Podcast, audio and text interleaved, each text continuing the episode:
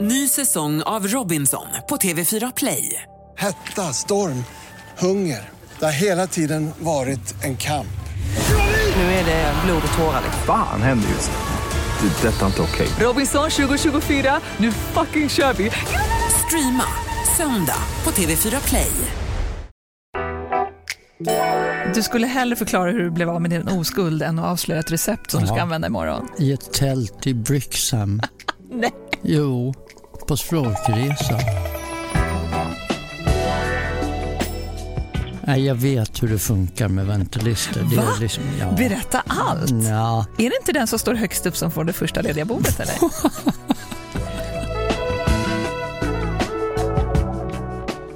tullen i Sankt Petersburg på flygplatsen i Pulkovo, det är ingen lek. Har du fastnat där? Ja. Med vad då? En halv flaska vin.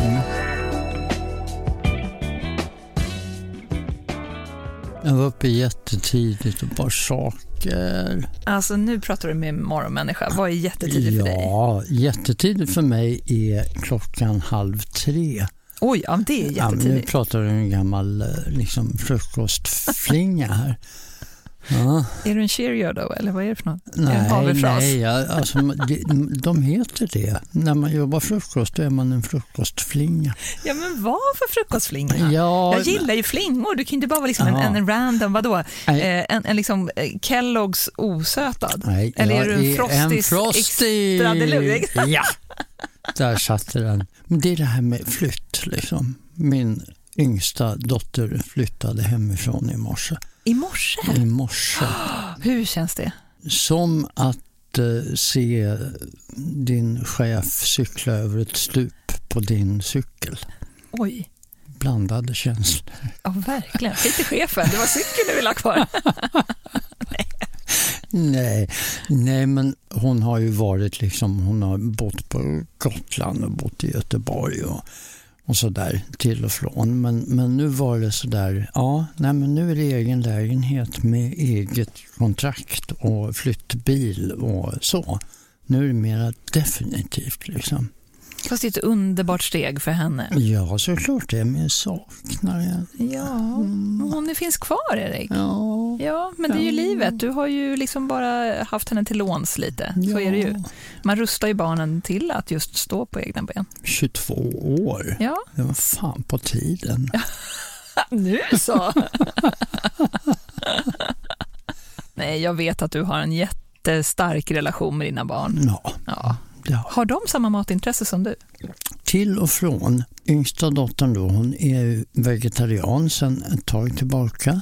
Sonen, han går på någon sorts egenuppfunnen GI-variant som han tycker är bra för sig.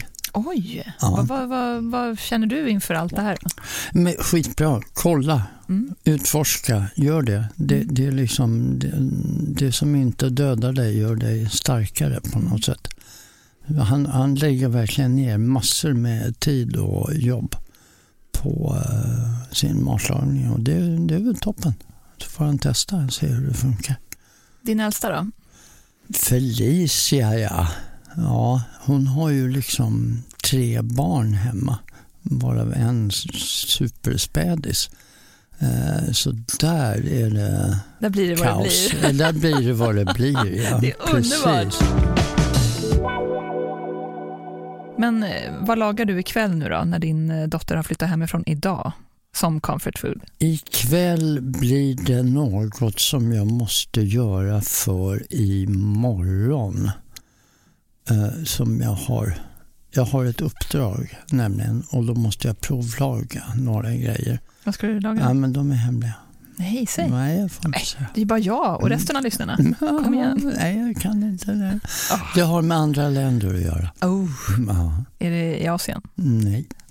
Nej. Mäh. Nej. Ska du vara så här svår nu? Så att Ja. Tänk inte ens nämna land. Ja, men om jag säger Persien då? Åh, Erik Videgård, ibland Ja. är du jobbig. Nej. Du skulle hellre förklara hur du blev av med din oskuld än att avslöja ett recept som du ska Ja. använda imorgon. Ja, det är sant. I ett tält i Brixham.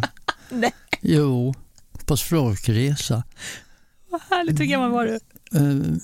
Eh, 14. Åh, gulle. No. Mysigt.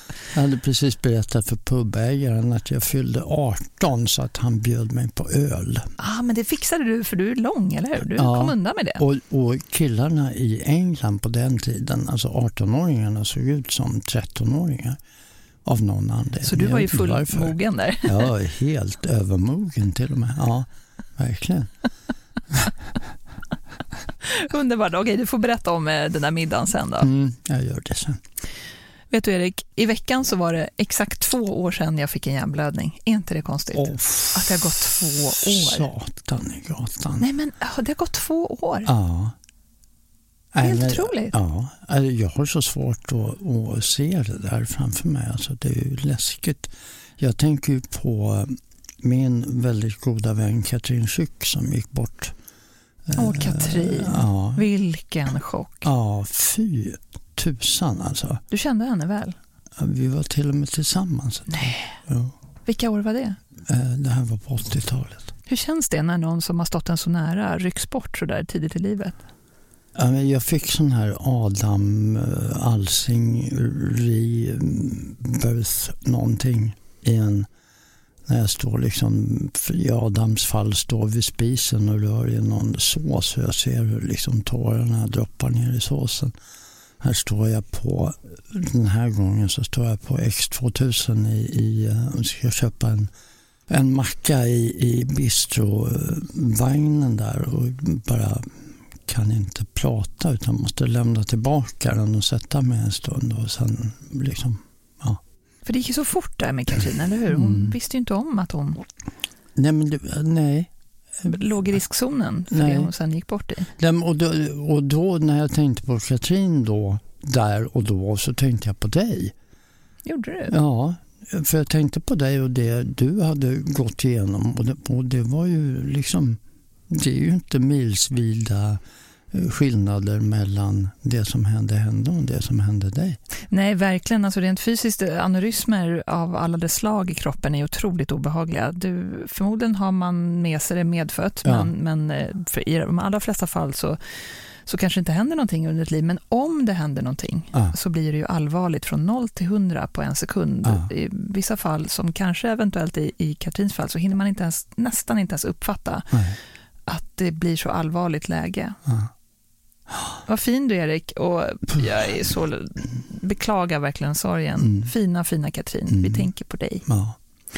Men det, det man blir väldigt väl medveten om, det är just alltings förgänglighet. Att man inte kan ta en endaste dag för given. Nej, och att man måste passa på att leva medan man faktiskt gör det. Eller hur? Och precis så är det. Så tar man sig ur på andra sidan på fötterna så blir livet på något sätt en bättre version av vad det var innan. Mm. Men det kan jag säga eftersom jag sitter här Mm. pratar med er och, och mår bra. Mm. Men jag har ändrat jättemycket i mitt liv.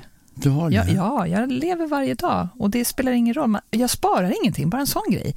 Varför ska man spara saker till ett specifikt tillfälle? Varje dag är ett specifikt tillfälle. Varje dag så rätt, är så speciellt. rätt, så rätt, så rätt, så rätt. Nej, det, det får jag ju säga efter, efter mina liknande upplevelser så, så eh, alltså har man haft en sån nära döden upplevelse då, då vill man leva medan man kan. Så är det ju. Jag dricker finvin på tisdagar. Det var en sån sak, Erik. Ja, Inte tjocka okrossbara glas dock. nej, okej. Nej, men ibland så får man fästa till Ja. även om det är tisdag.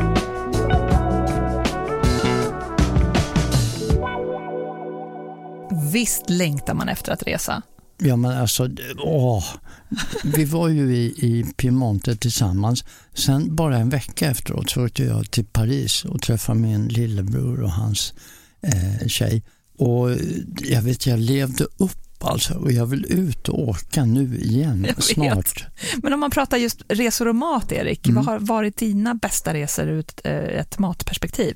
Mm, var har jag upptäckt mest? Alltså det är nog Japan, Thailand för länge sedan. Thailand för kanske 20 år sedan när det var Ah. lite nytt och spännande. Innan Sådär. liksom charterturismen eh, började Ja, dyka. innan, innan det började bli som Palma. Mm. Annars får jag säga eh, Barcelona gillar jag. Eh, Jag var i Lissabon som har blivit en, en matstad på eh, uppstigande. San Francisco, Los Angeles, New York. Ooh, New York. Wow, där har du ju hela världen Ja. på en plats. Älskar fullkomligt. Mm. Men det är så himla härligt med just att resa i matens tecken. Hur brukar du göra? Liksom, vad är hönan och ägget här? Läser du först på om restauranger som har blivit omskrivna Ja. och sen bokar du flygstolen? Ja, nästan så. Är det så? Och eh, framförallt se till innan jag bokar resan att jag har plats på restaurangen. Att jag har bokat alla de restauranger som jag vill och verkligen kommer in på den. För missar jag en, då skjuter jag hellre på resan eller åker någon annanstans och tar det senare. Alltså det här är så överkurs Erik, men jag tror att många eh, kan känna igen sig i känslan av att man vill gärna besöka ställen som man har läst om. Ja. Men har du några bra tips där? För att, jag menar, mycket kan man boka digitalt, men det är nästan alltid fullt. Hur ska jag göra då, då? Om jag bara har vissa datum? Vad är dina bästa tips? Om du bara har vissa datum och eh, du har testat nätbokning, slå en signal. Berätta hur det är. Jag kommer över från Sverige och jag ska besöka dem och dem. Sen skulle jag vilja besöka er men ni hade ju, det fanns inga bord på nätet. Finns det någon möjlighet? Då kan det ju vara så här att de säger att jo men om du kommer halv sex och är klar till halv nio eller om du kommer halv nio och är klar, ja, då får du ju sitta till vi stänger. Liksom. Okej, så, så lirka lite, smöra Ja. lite, berätta att jag är Ja. jätteintresserad av just Ja. er restaurang. Ja. Kanske ring eller kanske mejla. Oftast har de ju också väntelistor. Jo, men de här väntelistorna är, alltså, mm, nej.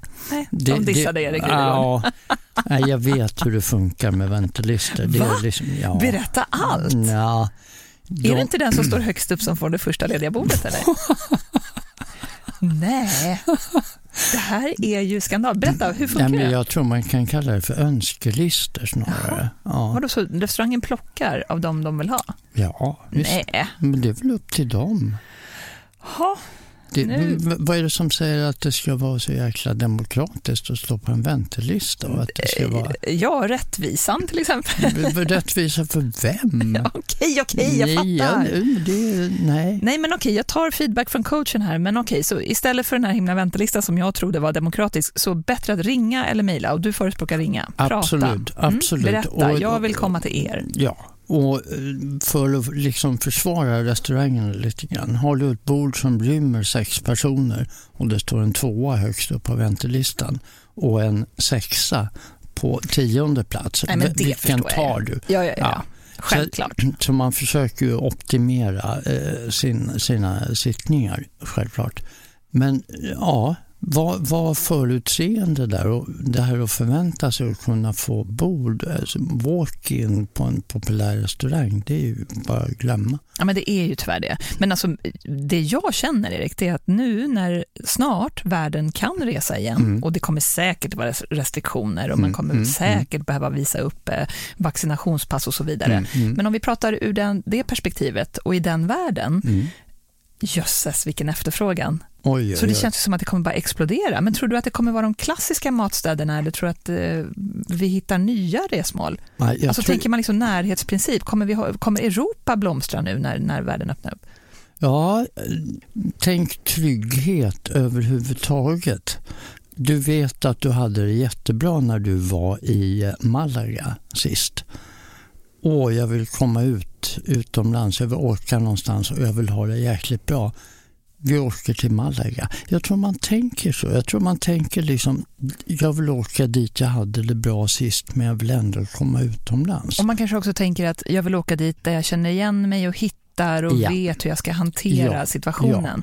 Ja, men det är nog klokt. Och sen gå på den där krogen som jag var på senast för de hade så fantastisk späd gris där. Eller hur? Alltså jag är, jag, åh jag längtar till New York. Jag Ja. längtar så till USA, som Ja. för mig är ett fantastiskt matland. Ja. Jag längtar till, du nämnde Palma, jag tycker Palma är en otroligt bra matstad. Det har- blivit. Mhm. Jag har ju faktiskt bott där.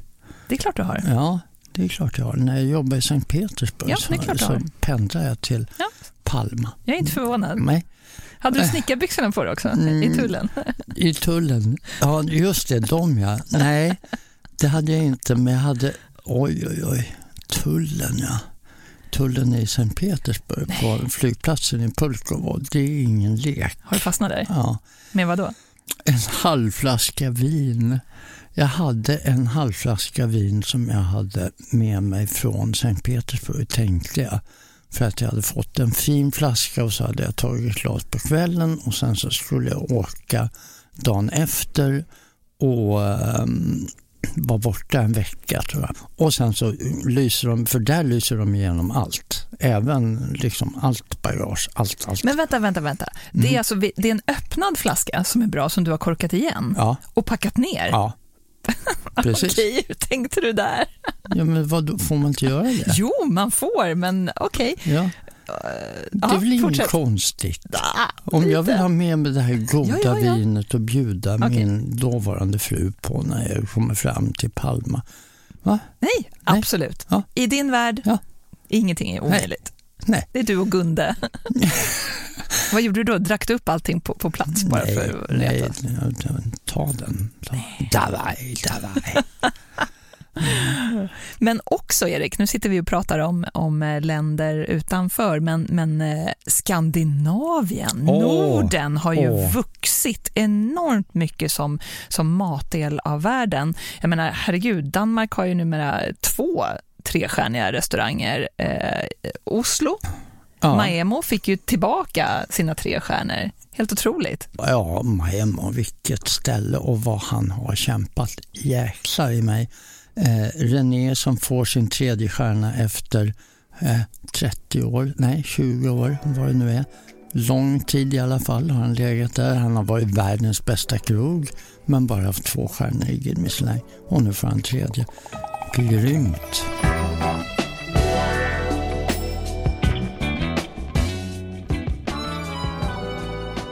...45 minuter AV sponsras av Vin Unik och The Wine Agency. Det första vinet idag kommer från superproducenten Vietti i Castiglione Falletto. Vinet heter Lange Nebbiolo Perbaccio och är från årgången 2019. I det här vinet samsas Nebbiolo-druvor från både Barolo och Barbaresco och det görs av de grundviner som inte riktigt klarat kraven för att ingå i ett vin med beteckningen Barolo. Vietis Barolo innehåller bara druvor från toppområden medan deras Lange Nebbiolo får blandas av druvor från hela distriktet. Det är ett vin med friskhet och fräschör som kan drickas tidigare och har ett betydligt mer smakfullt pris. Lange Nebbiolo Perbaccio är ett generöst vin med tydliga toner av moreller, läder, kryddor och örter. Perfekt i höstens grytor, vilt och mogna hårdostar. 2019 Lange Nebbiolo Perbaccio har artikelnummer 79331 och finns i Systembolagets beställningssortiment. Det andra vinet kommer från en av våra favoritproducenter, Valle Reale, som har sina odlingar i en nationalpark i Abruzzo. Vinet är biodynamiskt, ekologiskt, veganskt och tillverkas till 100% av druvan Montepulciano. Idag provar vi 2015 Vigna del Convento. Ett smakrikt och fruktigt kryddigt vin med inslag av mogna röda bär, körsbär, fat och örter. Det har mjuka tanniner och serveras gärna till höstlamm med vitlök och timjan eller varför inte en långkokt ragout med tagliatelle. 2015 Vigna del Convento Montepulciano har artikelnummer 73583 och finns i Systembolagets beställningssortiment. 45 minuter AV är väldigt glada att sponsras av Vin Unik och The Wine Agency. 45 minuter AV är sponsrade av Lavazza. Idag vill jag titta in i framtiden. Hur ser serveringen av kaffe ut på restauranger om några år? Det finns idag fantastiska kaffebarer där du väljer kaffe beroende på ditt eget tycke och smak. Ska det vara starkt, milt, fruktigt, blommigt, chokladigt? Ska det vara en kort espresso, en americano, en pour-over eller en pressokanna? På restauranger däremot så har du för det mesta möjligheten att välja mellan bryggkaffe och espresso. Det är väl inte så illa i och för sig.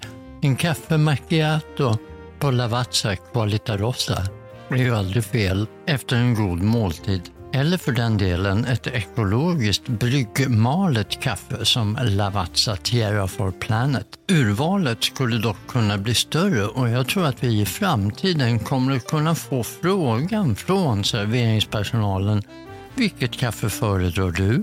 Gillar du en intensiv blandning av arabica och robusta bönor? eller föredrar du ett elegant, en ren arabica med toner av citrus, mandel och mjölkchoklad? Vill du ha drag av frukt, blommor, honung? Inga problem, då ska du få en kopp Lavazza Qualita Oro. Framtiden är förhoppningsvis inte allt för avlägsen, men redan nu kan du åtminstone ställa frågan varifrån kommer ert kaffe? Blir svaret då Lavazza så vet du att du får ett premiumkaffe av bästa kvalitet. Vi på 45 minuter AV är tacksamma att sponsras av Lavazza, ett godare kaffe. Det land i Europa som verkligen står ut matmässigt det är ju Italien. Och vi var ju där. Vad var det bästa vi åt enligt dig? Du får inte svara din egen mat, för det så hade jag svarat. Jaha, Men nu, okej. nu, nu ligger frågan, det vi åt på plats. Ja, det, det mest minnesvärda för mig, det var nog inte Piazza Duomo, som ju var trestjärnigt, eh, utan det var nog den här pastan som vi käkade i Barbaresco, skulle jag säga, sittandes under eh, parasoll en kväll efter en relativt lång biltur eh, så får vi en pastasort som bara finns där. Och jag Till en- älskar att du säger det, Mm. för det är precis mitt starkaste matminne också, förutom den risotton som vi ska prata om sen som du gjorde. ja, ja. Men Mm. utöver det så var det tajarin, alltså Ja. det, pastan från Piemonte. Det är alltså, tänk dig smal bandpasta gjort av ägg, supermycket gluten i, men jag var tvungen att smaka Ja. eh, när det tog oss till fantastiskt fina Barbaresco. Och vi åt tajarin med ragu Ja. Shared plate, liksom. det Ja. var ett stort tallrik på Ja. bordet som vi Ja. alla fick ta från. Äh, det var så gott. Det var helt ljuvligt. Mm. Och vindistriktet Barbaresco, som säkert många av er känner igen, det ligger alltså strax nordost om eh, staden Alba och eh, med floden Tanaro som gräns i väster. Och de bästa vingårdslägena ligger just här i byn Barbaresco längs de här dalgångarna som liksom löper ner mot den här floden. Och inom det här distriktet så räknar man tre byar. Barbaresco ligger längst i väst, Neive längst i öst och så har vi Tresio i söder. Och man brukar ju Erik säga att Barbaresco-viner är lite mer eleganta än Barolo. Så himla larvigt uttryckt igen. Vad, vad sjutton är det liksom? Jag höll säga, Ja. vad fan är elegant? Inte men- lika, nej. en Barolo är väl burdusare kanske man kan säga. Ja, men ska vi kanske bara säga att den är lite mindre sträv? Jag menar, det har ju faktiskt med jordmånen att göra. Alltså, ju närmare man kommer den här Tanaro-floden då i väst, desto mer eleganta blir vinerna. Eller ska vi säga en liten annan eh, strävhet helt enkelt. Så Tanaro har ju liksom fört med sig sand och det är det som gör att Barbaresco-vinerna är lite lättare Ja. än vinerna i Barolo. Där de har liknande jord, men inte med då sanden från Tanarofloden. Det kan man säga. Du får en lite lätt, en lätthet och en fruktighet som du kanske inte har på de lerigare eh, lägena i eh, Barolo. Men som vi fick eh, lära oss och som vi fick se av Andrea Farnetti, vinmakare på Borgogno. Han har ju grävt upp de klassiska lägena för att se vad händer nere i jorden egentligen, även i Barolo. Så han har ju börjat plantera andra druvor i klassiska Barolo-lägen för att se vad som händer. Och ni som inte hängde med när vi pratade om eh, Borgogno, ni hör ju nu vilken rebell eh, Farinetti-släkten ja, är. Verkligen. De är så coola faktiskt. Mm. De, de, jag förstår att det kanske inte alltid ses med blida ögon. För får man verkligen börja gräva i jorden på det här sättet och plantera andra druvor på klassisk Nebbiolo-mark, ja. Andrea säger varför inte? Ja. Och det är därför det är så spännande att smaka de vinerna, för mm. de smakar ju faktiskt inte som någonting annat. Men det var väldigt, väldigt roligt att få uppleva Barbaresco. Ja. Och den som introducerade oss för den här lilla, lilla restaurangen i Barbaresco, det var ju vår guide och numera också vinmakaren Ulrika Ferlin. Och vi har ju fokuserat hela den här säsongen på just italienska Piemonte och vi fick beröm faktiskt för valet av plats av Ulrika, som tror att svenskarnas intresse för Piemonte bara kommer att växa. Det kommer bli ännu mer Piemonte. Jag tror att det här är liksom bara början. Uh, och ni är helt rätt ute i tiden med, med att snacka om Piemonte tycker jag. Uh, så det kommer bara bli mer och mer. Alltså allt från mat till dryck och, och sen Folk kommer väl inse att det är inte faktiskt så svårt att, att ta sig hit och kommer vilja komma hit och uppleva med landskap och historia och alla vinerier som finns. Men eh, för de som tror att, liksom, att ta sig hit och, och prata om det här är någonting för de som kan mer, är det så? Känner du att man måste, om, om man ska till Piemonte måste man kunna massa fin? Jag tror att alla kommer kunna ha glädje av Piemonte. Alltså allt från att inte kunna någonting, liksom att ja, men jag vet att det här är ett vitt vin och det här är ett rött vin, till att man är supernörd sommelier och kan liksom alla kryer i huvudet som finns i Barolo. Så jag tror att alla kommer tycka eh, att det är fantastiskt att hitta sitt ställe och sina favoritrestauranger och sina favoritviner. Man lär sig så fantastiskt mycket när man väl är här nere. Jag tror att kommer man bara hit så kommer man hitta sin nivå. Liksom. Så det finns någonting för alla? Ja, gud ja. Det tror jag absolut. Ja, oh, herregud vad vi fick se och uppleva, Erik. Det var verkligen så. Jag lärde mig mer på de dagarna vi var där än om jag hade köpt tre feta böcker om eh, Barolo och Barbaresco och lägena runt omkring. Bara, bara att få gå bland vinrankerna, bara få se och få ta på dem, få vandra genom hasselbuskträdsskogarna, äta hasselnötter nyrostade från kvarnen. Oh vilka minnen. Ja, verkligen. Och då tänkte vi att vi måste ju gengälda Ulrika Ferlin efter allt hon har gjort för oss. Så vi bjöd Ulrika och hennes kille Paolo på middag. Och inför den middagen så tog vi oss till matmarknaden för att inhandla alla grönsaker och råvaror. Och nu pratar vi långt från Hötorget. Oj, oj, oj, oj, oj, oj, oj, oj. Ja, nu är vi på matmarknaden i Alba. Här är det fina grejer, Erik. Det här är ju fantastiskt. Buongiorno. 2,90. 2,90. Det är inte mycket för Nej, den här aha, fina 10 euro. 30 spänn för alla de där grönsakerna. Nej, det är helt galet faktiskt. Ja. Wow! Nu blir jag lite glad. Ingen vitlök. Såg fin ut här. Jo, det ska vi ha. Ja. Och chilin var härlig. Färska chilin som ligger som i små klasar. Superfin. Wow. Verkligen. Buongiorno. Eh, ciboli? Si. Har vi parmesan också? Underbart. En bra, inte för gammal parmesan. Varför ska man inte ha en gammal parmesan? Nej, men för att den är, ju äldre de blir desto saltare blir de. Här kan kontrollera sältan bättre och så är de lättare att riva när de är lite yngre. Okay. Så det är matlagningsparmesan kan man säga. Ja, är vi klara nu? Nu är vi klara. Fantastiskt. Ja, det här var ju verkligen en genuin matmarknad, Erik. Ja, alltså tänk om vi hade sådana matmarknader här i, i Sverige. Nu har vi, det finns bra matmarknader i Sverige. Det finns bland annat någonting som heter Bondens egna marknad som finns alltså från eh, Helsingborg upp till Umeå. Tyvärr inte så där jätteofta. Höstsäsongen mm, börjar ta slut nu Många av dem har julmarknader. Bondens egna marknad. Jag la faktiskt upp eh, webbadressen på vår hemsida alversjåvidegard.se så att man själv kan gå in och se vad som finns i eh, närheten till där man bor. Det är bra matmarknader. Det är precis som vi hade det i Alba där vi gick. Där var det de enskilda odlarna som tog fram och visade det de hade att erbjuda, det de själva hade skördat. Vi har ju Hötorget här I Stockholm. i, i Stockholm där det står massor med människor och säljer massor med saker. Det är grönsaker, det är svamp. Alla har samma sak. Alla kommer från samma grossistleverantör. Alla är liksom tredje klassens råvaror. Alla försöker luras. De säger det är halva priset och sen så ska de sälja det och de ska sälja det och de ska sälja det.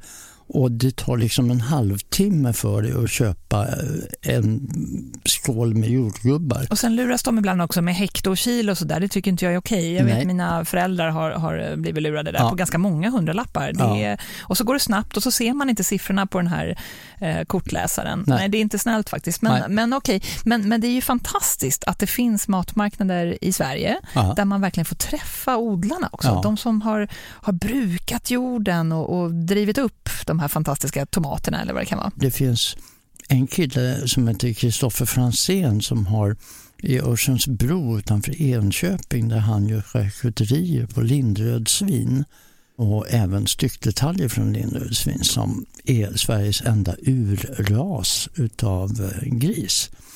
Eh, han tar sin bil, åker in varje lördag, åker runt i Stockholm på olika ställen eh, och säljer sina produkter. Då Bokar man det på hans hemsida och då får du riktiga grejer. Han, han gör korvar som får eh, allt annat att blekna. Alltså. Så Underbart. återigen, om man bryr sig om sina råvaror så finns det fantastiska leverantörer Verkligen. att ta del av. Ja. Och du hittade ju faktiskt nästan allt till din risotto på matmarknaden utom en doggia. Vad var det för något? Nduja är en kalabrisk korv utan skinn. Eh, Så att den, det är en ovanlig ingrediens för, för just den paniskan risotton som jag skulle göra. Men eh, Ulrika ställde upp såklart och hittade Nduja till mig. Och det var tur, för det var så gott. Ja, den blev ju det. Den blev ju jättegod. Nej men lägg av Erik, det var ju ungefär det bästa jag någonsin har ätit. Och det sa även italienarna. Ja, de sa ju det och det, det är lite roligt för panisca är en, en ovanlig risotto därför att man gör en minestrone först. Och vad är då en minestrone? Hur skiljer den sig ifrån allting annat? Jo, i Italien så har man olika typer av soppor.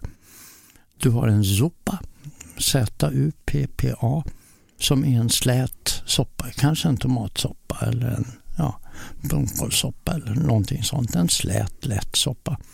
Sen har du minestra som där bitarna utav grönsaker och där kan det även vara kött med och så vidare och även pasta faktiskt, eller ris. Men fortfarande en soppig karaktär. Och sen kommer minestronen som är någonstans i gränslandet mellan en soppa och en gryta. Och då gör du den här minestronen först. Och sen tar du den och blandar den med rött vin, en Lange, Nebbiolo. Eh, du blandar den med, med ris, ett, helst ett Carnaroli tycker jag är bästa risottoriset. Och så kokar du upp det här och låter det sjuda, späder på med buljong och vin. Tillsätter på slutet av parmesan, smör, rör runt, låter det här vila eh, 5-10 minuter och så får du den här fly, ja, ah, det flyter som lava säger man. Guldlava. Mm. Åh, det var så gott. Eller hur? Och sen dels att du gör den med rött vin är ovanligt och sen att du använder en minestrone som, som buljong i princip till den är ju helt fantastiskt. Åt jag fyra portioner tror jag. Ja, Ja, förmodligen. Kanske fem. Gissa vad? ja du är ju hungrig. Ja, titta. Och vet du vad jag har gjort då? Nej, berätta. Därför att då det är lite svårt att få med sig här in i studion och stå och koka risotton som man aldrig får sluta röra och det tar 20 minuter och så vidare. Så tänkte jag, minestrone alla Novarese. Vad tror du om det? Ja, det tycker jag låter mycket, mycket utmärkt. Vilken vänort har Novarese som en ort i, vid Alperna i norra Piemonte?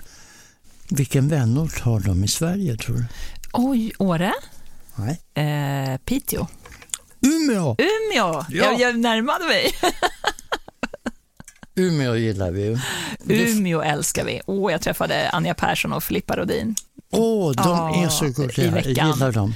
De, jag älskar dem. Mm. Det är fantastiskt. De håller på att bygga hus utanför Umeå. Jaha, Mm. vad härligt. Du, nu är det inte någon rödvin i eh, minestronen så att då får du en, en Lange Nebbiolo här på sidan. Men Som jag häller upp. mycket, mycket bra. Får man alltid det vid sidan om det inte ingår i maten? Alltid. Alltid. Ja. Mycket bra. Jag har ju nästan blivit lite Nebbiolo-beroende. Men jag är inte ensam. Jag, Piemonte är ju verkligen på tapeten, Erik. Ja, vi, vi, vi var ju precis rätt på det. Ett riktigt hett område just nu. Jag smakar lite på, på Lange Nebbiolon. Ja, gör det. Så ska jag kämpa här. Jättegott. Älskar att du kör det ganska väl kylt. Ja, Alltid. det där håller Mm. väl en 15 grader nu ungefär. Helt perfekt. Nu du. Och vad har vi här nu då i termosen idag? Titta, oh, men dofterna Erik Videgård. Mhm. Lägg av, du är ju så himla bra på det här. Jag orkar inte, jag har inte ens närmat mig skålen. Det är ungefär 40 centimeter kvar och nu tar Erik fram eh, den här oljan som är vad då? Hemliga olivoljan. Hemliga En olivoljan. citrusolja för att få lite fräschör. Och alltså dofterna som bara slår emot den innan jag ens har fört upp den här mot, mot munnen. Oh Ja. my God. Ja, nu ska vi se vad du tycker här. Ska jag röra runt liksom med skeden? Ja, gör det, gör det. Dra runt lite grann, gud, det här är verkligen en grytsoppa. Ja, och det är ju det som då eh, symboliserar minestrone, eh, den tjockleken på den. Men vilka dofter! Bönor ser jag. Ja, det är eh, borlottibönor som är torkade, blötlagda Åh. och sen fått koka klart. Nej men sluta, det är så gott. Vi pratade ju comfort food förut. Ja, är det här comfort oj, food eller? Oj, oj. Mm. Men det här är vegetariskt också, eller hur? Ja, jag har faktiskt haft i, eh, just i den här så tog jag en secreto iberico som jag stekte tillsammans med Mm. lök i början. Sen har jag tillsatt då zucchini, morot, stjälkselleri, rödkål fi- finstrimlad. Mm. De här blötlagda bönorna, jag gillar bönor som man blötlägger själv Mm. att eh, föredra framför burk. Därför att då får de gå klart i soppan och bönorna i sig ger ifrån sig en nästan lite köttig smak om man säger så. De ger ifrån sig en fyllighet till, till minestronen som du inte får ifrån de vanliga bönorna. De vanliga bönorna har en förmåga att spricka och gå sönder. Jag älskar bönor, jag äter bönor nästan varje dag, men då är det väldigt ofta de som man köper, liksom, Ja. som, är, ja, Ja. som jag bara häller bort spadet. Ja, men det kan man ju... Aquafaban. Aquafaban, Ja, ja. precis. Eh, Men den här, den här smaken, Erik, den har, precis som du säger, den har en helt annan, inte bara när jag, vid, vid tuggningen, liksom, utan den, den, eh, det är mycket djupare smak i bönan. Och de, den hade jag aldrig hittat nej. om jag hade fortsatt göra bönor som jag brukar. Nej, nej, men det är inget fel på burkbönor och ha till exempel sallader och så vidare så är de jättebra. Mm. I den där också tomater, det är kallfond. Det är det alltså. För smaken är ju otroligt djup och mustig. Ja. Den här har gått i eh, tre timmar tror jag. Den där fick eh, gå igår kväll. Sen kylde jag ner den och sen värmde jag upp den i morse igen. Alltså det här är så gott. Mm. Det här är så gott. Ja. Det här gör man ju gärna en rejäl sats utav. Jag skulle kunna äta hur mycket som helst av den här. Ja, Ja, och sen kan du frysa in det där i påsar liksom, och så tar du fram när du känner för det. men det här är ju bra Och mat. det är ingen bara- grädde, det är liksom inget, nej, eller hur? nej, och du kan göra den helt vegetarisk om du vill det. Det är inga problem alls. Det är bara att Mm. skippa fläsket och du kan lägga i en skalk med, med parmesan och koka den med till exempel den som blir över. Bara en sån sak. Mm. Och sen fiskar du upp den då förstås. Ja. Men, och så Nebbiolon till. Mm. Lange Nebbiolo till. Funkar det? Ja, det funkade helt fantastiskt. Men du har inte haft någon rödvin i, i den här? Nej, Nej. utan när man gör då paniskan som är risotton, då har du vinet i den, så att säga. Så här får du vinet apar, som man säger. Åh, där skulle jag kunna äta två gånger i veckan.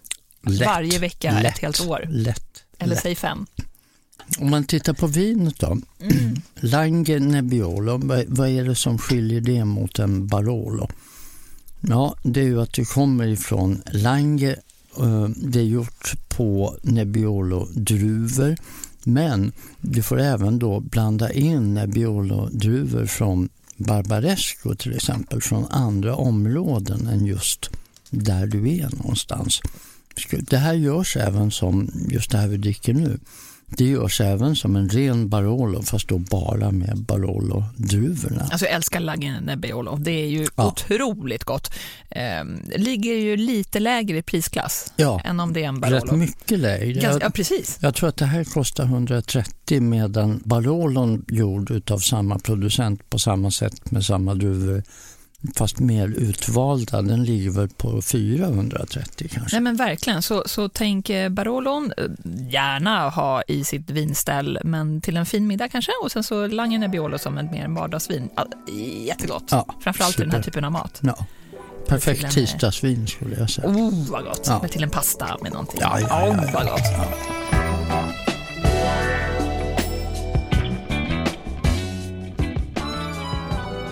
45 minuter AV är sponsrade av STS Alpresor.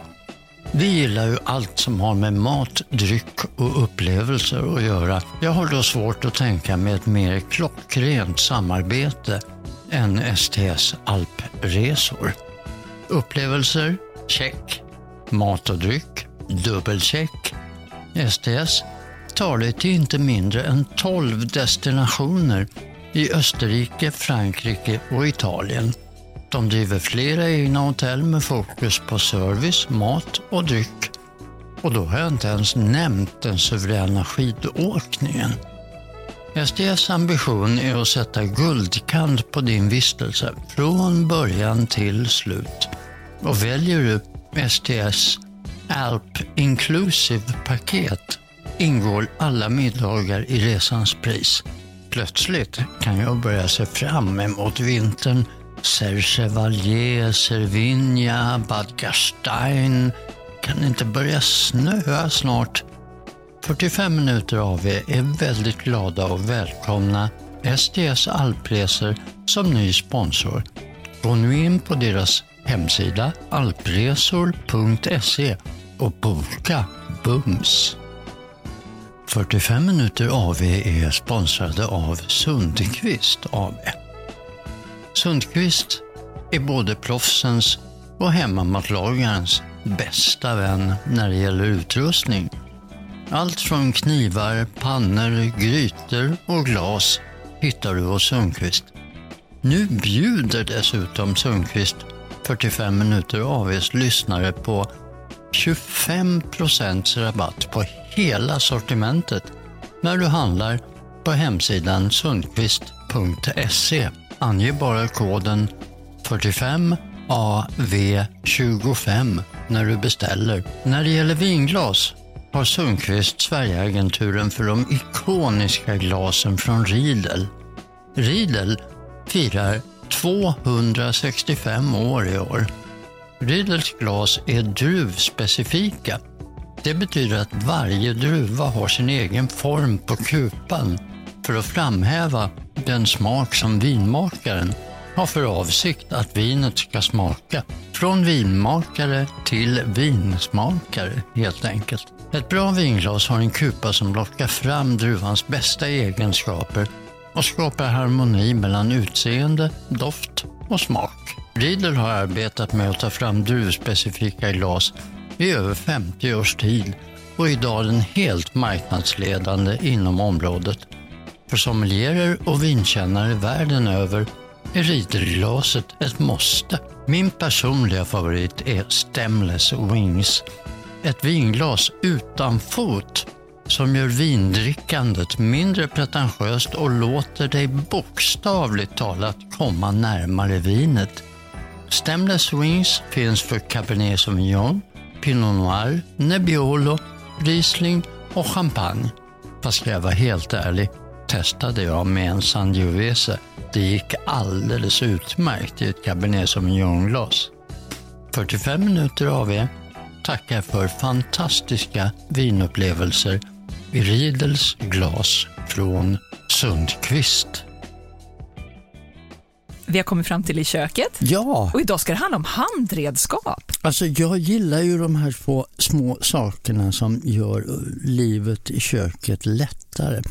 Jag tänker på såna här enkla saker som vispar, Mm.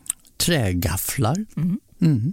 Men vadå, finns, finns en värld av olika val här? Ja, men just träredskap.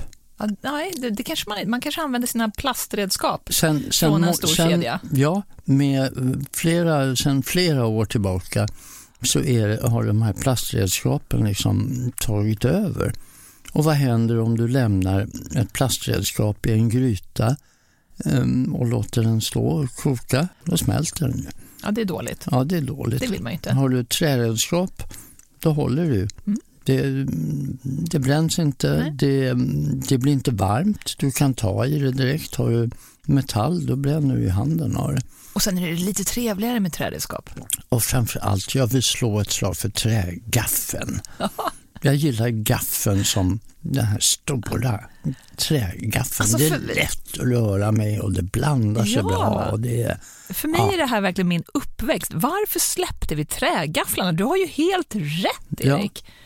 De här himla plastredskapen kom in och sabbade allt här Ja. i en eh, 15-20 års period. Precis, så det, det slår jag ett slag för. Och sen vispar.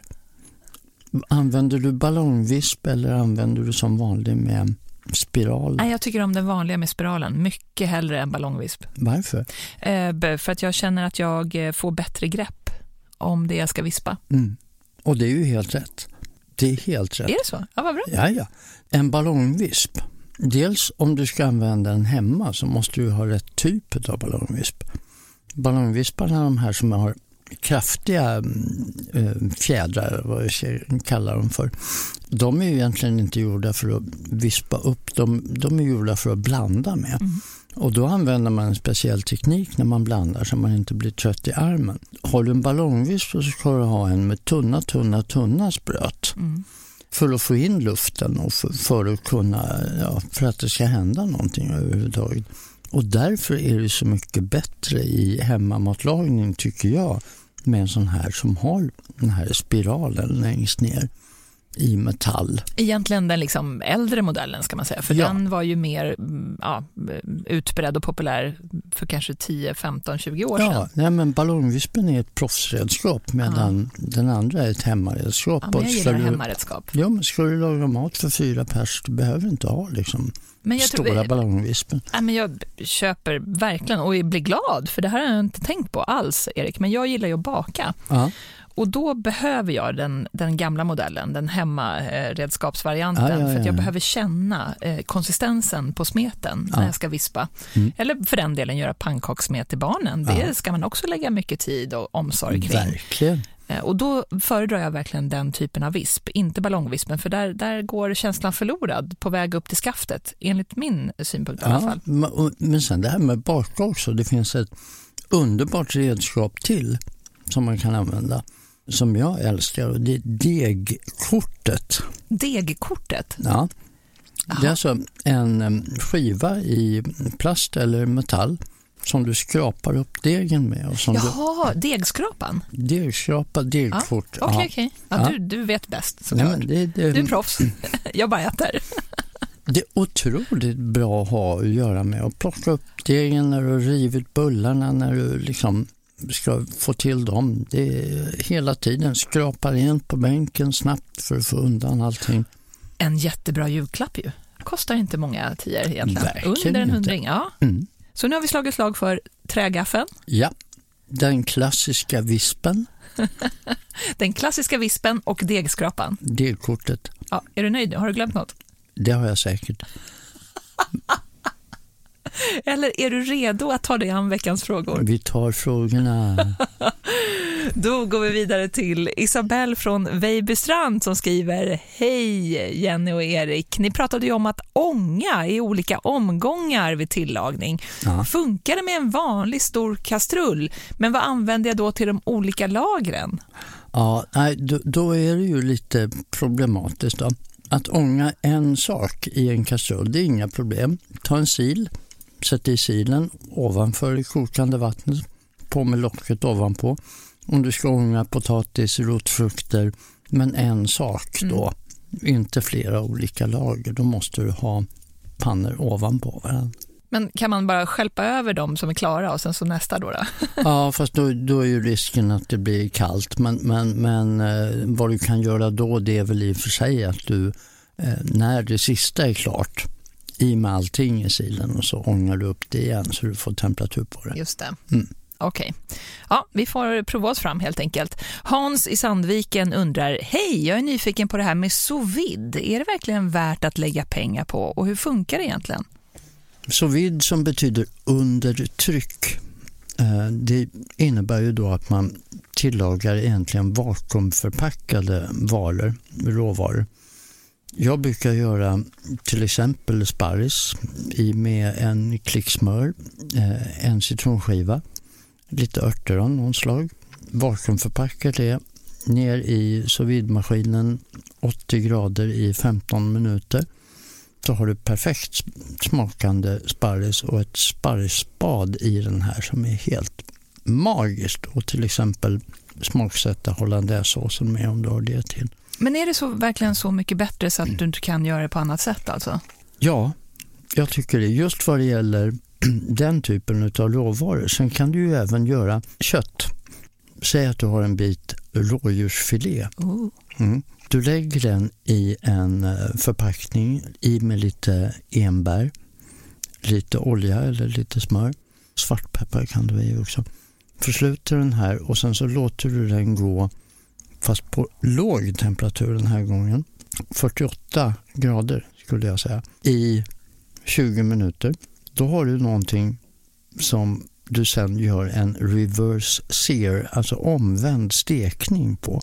Du tar upp filén som då är tillagad perfekt. Den kommer att ha exakt samma färg genom hela filébiten. Men sen steker du på den och med vilt så gör man så. Där steker du på vid hög värme. Ordentligt hög värme. Så du nästan rostar den här runt omkring. Men den värmen hinner inte tränga in i själva köttbiten utan du får ett perfekt, nästan knaprigt yttre och så får du den här enfärgade, låsa insidan på köttet. Underbart bra. Så svaret till Hans är ja, det är värt det. Ja, det är värt det. I nästa avsnitt, då är det säsongsavslutning, Erik. Mm. Vad hände? Ja, det gick fort det här. Det gick så fort. Ja. Men vi kommer komma med bonusavsnitt. I 45 minuter AV så får man alltid lite mer. Då ska det handla om USA och om städernas stad New York. Vi kommer att prata med vår kompis Ulrika Bengtsson som var med och startade upp Swedish Cuisine i New York och hade svenska NHL-proffs som stamgäster på egna krogen Ulrikas på Manhattan. Erik kommer laga Italian meatballs och vi ger er årets första julklapp. ja, det vill ni ju inte missa. Ni hör ju det. Vi hörs nästa vecka. Hej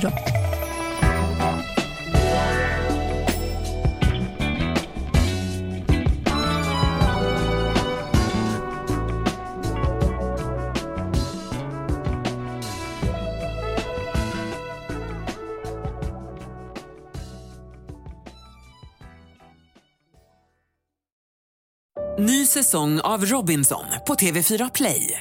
Hetta, storm, hunger. Det har hela tiden varit en kamp. Nu är det blod och tårar. Fan händer just nu. Det. är Detta är inte okej. Robinson 2024, nu fucking kör vi! Streama söndag på TV4 Play.